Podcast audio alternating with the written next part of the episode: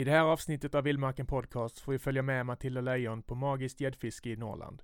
Artikeln publicerades i juli 2020 och läser in gör Kajsa Karlsson. Vildmarken Podcast. För dig som älskar jakt, fiske och friluftsliv. Magiskt gäddfiske i Norrland. Du gamla, du fria, du fjällhöga nord. Du tysta, du glädjerika sköna. Om jag hade mer makt än vad jag har så hade jag utropat Norrland till ett eget land. Från Sundsvall till Kiruna, från Östersjön till landsgränsen i väst. Det finns otaliga anledningar till att jag och så många andra känner sådan kärlek till våra skogar, vatten, djur och luft där, närmare polcirkeln. Det är nästan som att man måste få med en tur till paradiset innan man ens ska få söka jobb, eller kanske ännu tidigare i skolåldern. Vintern 2017-2018 bodde jag i Stockholm och hade mer eller mindre tröttnat på all stress, på alla människor, på ljudet men framförallt distansen till egen tid i skog och mark. Saker föll på plats och jag köpte mig ett hus tre mil utanför Örnsköldsvik. Det var ett spontanköp, ja det var det. Dock så hade jag innan handpenningen betalades in studerat Google Maps och skrivit upp en lista på vatten där jag ville testa att fiska. Den listan var inte så svår att skriva och den blev fort väldigt lång. Gör det själv. Slå upp kartan var som helst i de norra delarna av vårt land och zooma in. Jag lovar dig att du hittar minst ett vatten dit du skulle vilja åka och provfiska, vilket jag även tycker att du faktiskt ska göra. Finland kallas som bekant ibland för de tusen sjöarnas land och den beskrivningen stämmer verkligen in även här. Mitt år som boende i lilla byn Mellansel var fint och fiskrikt. Det var som att träden omfamnade mig och gav mig en extra kram för att läka allting som skogsmullen i mig hade saknat. Fisket, ja det var helt outstanding. Ett av vattnen som jag hade kikat ut på kartan levererade mitt stående personbästa. En gädda på 118 centimeter. Brutalt huvud på en älvgädda. Majestätiskt. Påfyllt energikonto. 2020 är minst sagt ett annorlunda år. Inte bara för mig utan troligtvis annorlunda för alla som läser det här. Vissa har blivit permitterade, vissa har förlorat jobben. Vissa har fått möjlighet att starta en verksamhet som verkligen behövs i dessa tider, medan vissa bara njuter av all tid som helt plötsligt blev tillgänglig. Själv satt jag fast i paradiset, som ni kunnat läsa om i mina två senaste artiklar. Jag spenderade två månader i Belize och hade det toppen.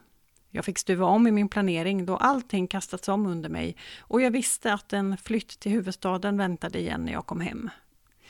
I samma stund som jag fick det klart att jag skulle flytta tillbaka till Stockholm så började jag planera att samla på mig så mycket energi som bara möjligt.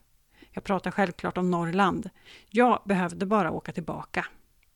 Sagt och gjort, det har hunnit bli två äventyr på kort tid.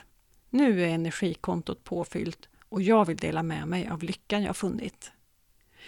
Med tanke på hur många svenskar som fiskar varje år och hur sporten växer är det kanske viktigare än någonsin att inte avslöja var man fångar sina fiskar.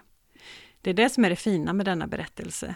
Jag kommer ha möjligheten att förklara för er mer ingående än vad jag någonsin haft möjlighet till att göra.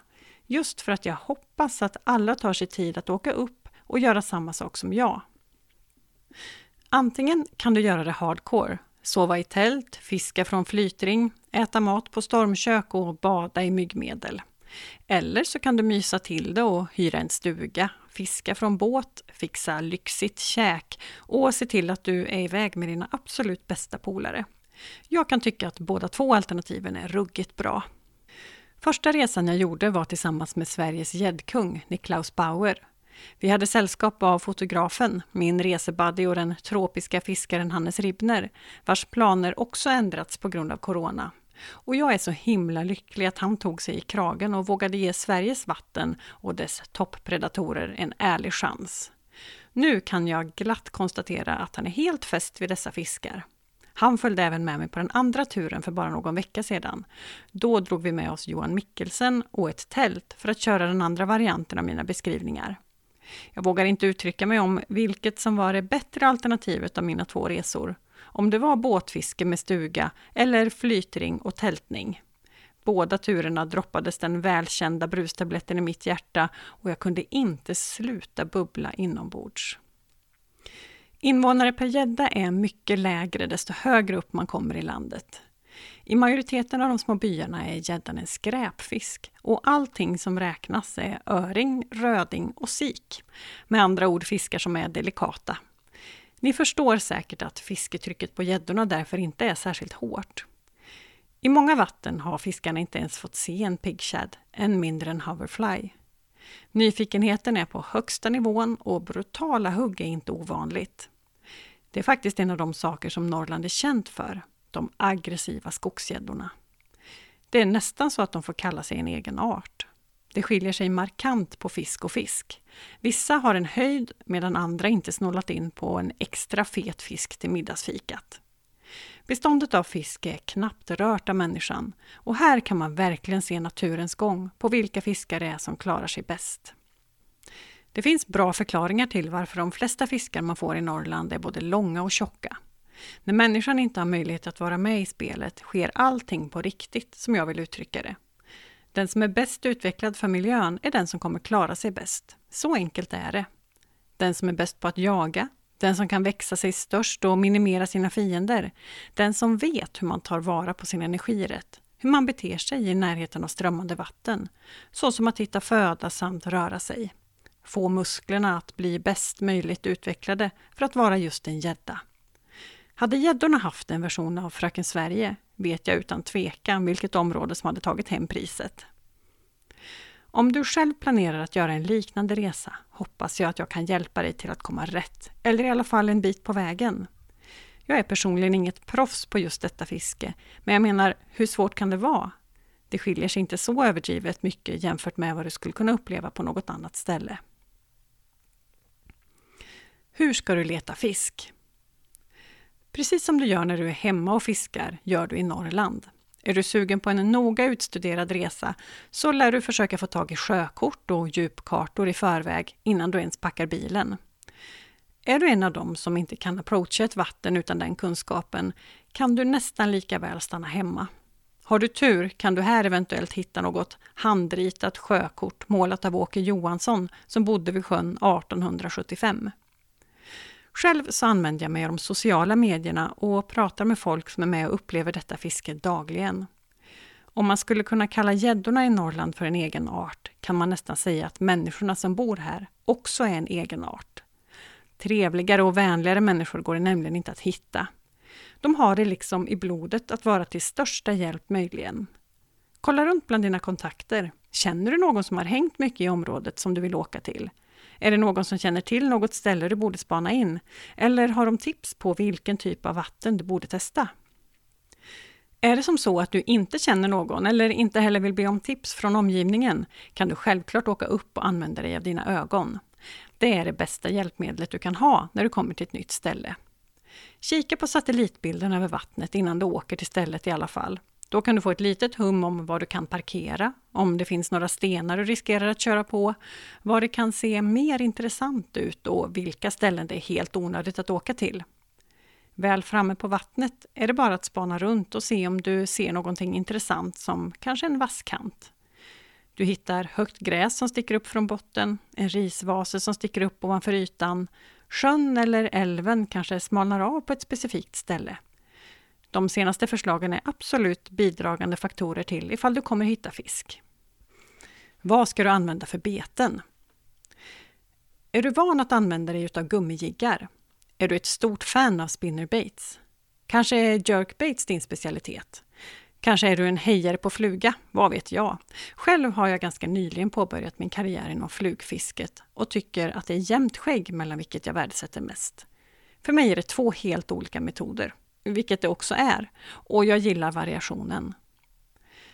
Vissa dagar lyckades jag bara ha följare på spinn, oavsett om jag använde mig av jerkbait, jigg eller swimbait.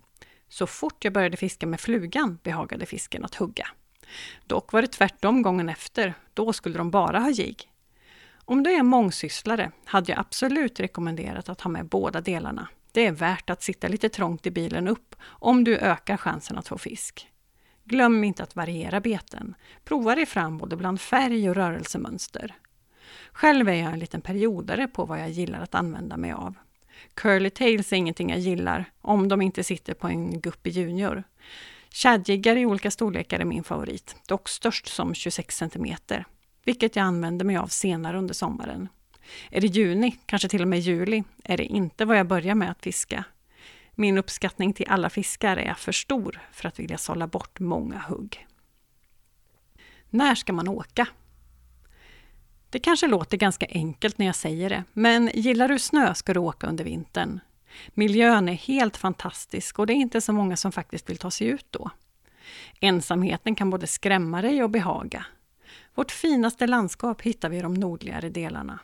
Hur naturen är orörd, hur vintrarna faktiskt blir vintrar med ner emot 30 minusgrader.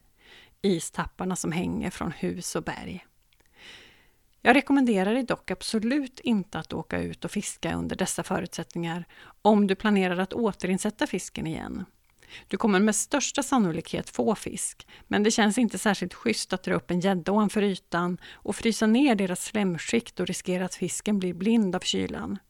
Nej, då är jag mer en förespråkare för hösten. Hösten är vacker.